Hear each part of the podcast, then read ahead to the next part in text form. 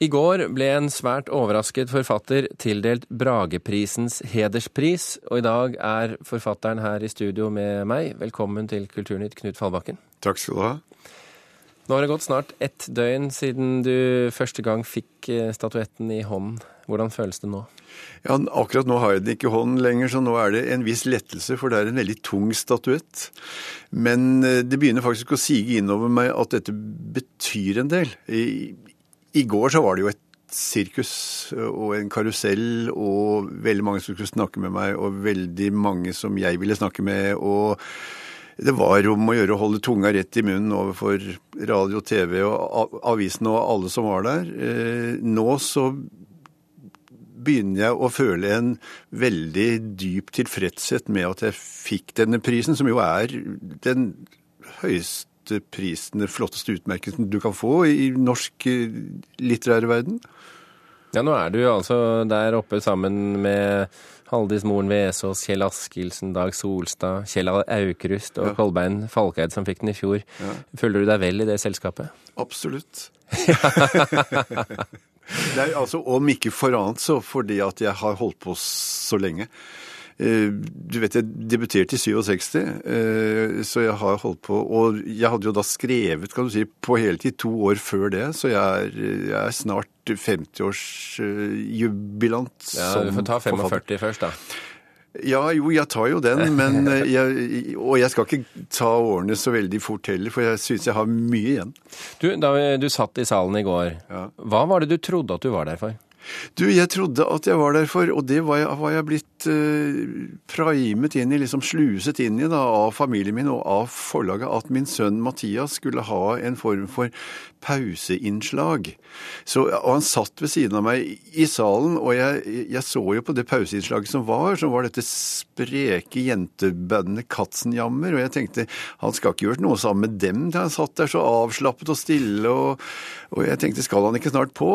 Eh, og så Men jeg, det, det demret ikke for meg før eh, omtrent midt i kulturministerens eh, introduksjon. Og da hun begynte å snakke om et langt forfatterskap, tidvis kontroversielt, og som de senere ti år hadde uh, viet seg til kriminallitteratur. Da begynte da det. Begynte det. Ja. Og så begynte hun å nevne titler, og da måtte hun selv den mest sløve uh, forstå det, liksom. Og da steg pulsen, altså.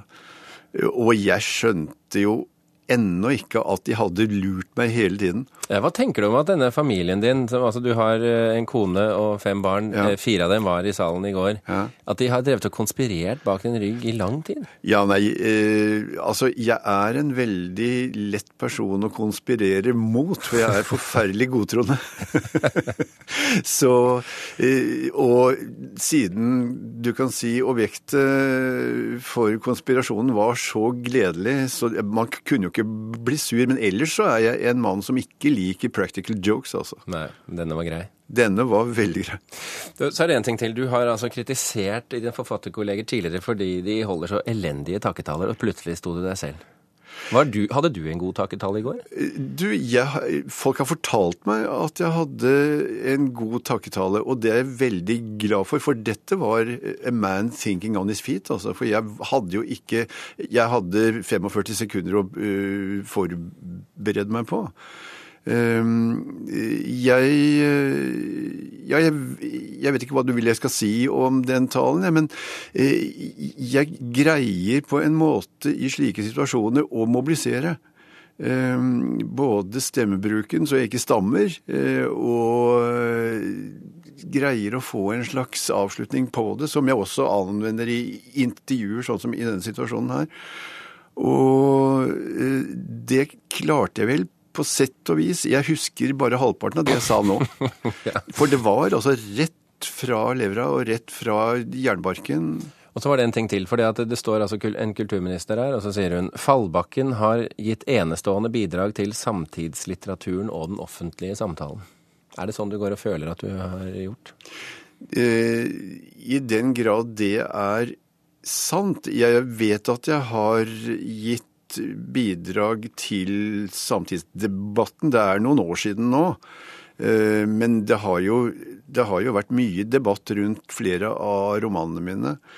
Eh, mitt bidrag til samtidslitteraturen er det selvfølgelig kanskje diskusjon om ennå. Eh, fordi at det er jo noen Jeg har noen Fallbakken-fans, og jeg har noen Fallbakken-skeptikere. Det er for meg en ideell situasjon. Hadde alle klappet meg på ryggen hele tiden, så hadde jeg blitt fet og veltilfreds, altså. Mm. Du, um, du har skrevet pluss-minus 35 bøker. Ja. Um, de siste årene har det vært mye krim. Ja. Har du endret preferanser i forhold til tematikk du som forfatter kan skrive om? Og da snakker jeg ikke om sjanger, men tematikk i bøkene. Du, der vil jeg si hvis noen tar seg på tak og leser krimene mine ordentlig, så vil de nok se at jeg holder meg mye til den samme tematikken.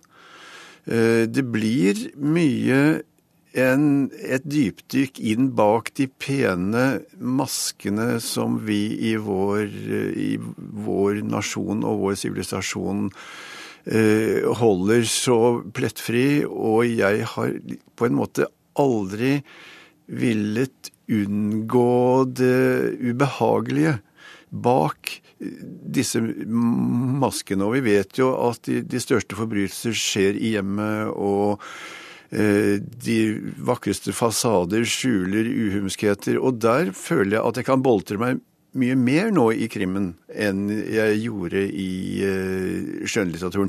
Men selvfølgelig, i krimmen så får du ikke så, så altså, slagkraft på samme måte, rett og slett fordi kriminallitteraturen av de aller fleste ennå blir uh, ansett for å være bare underholdning. Din siste bok, Natthagen. Ja. Der kommer du inn med et tema om barn og overgrep.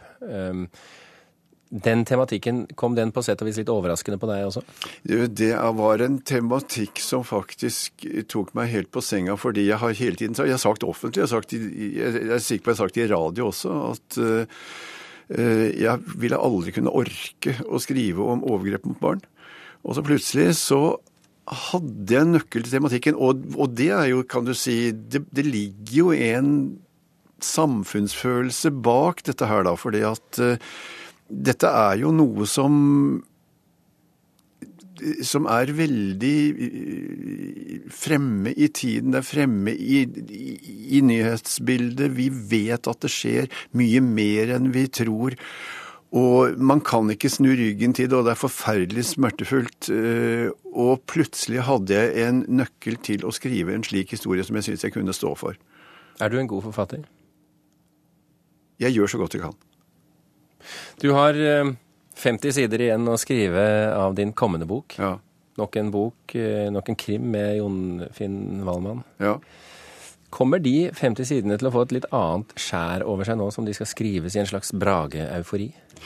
Eh, jeg tror du nevnte det ordet selv nå, at jeg tror når Bragestatuen, når jeg får slept den hjem og får buksert den opp på hylla, eh, så kommer den til å gi meg et lite løft hver eneste dag jeg ser på den gjennom de tunge, mørke vintermånedene, ja.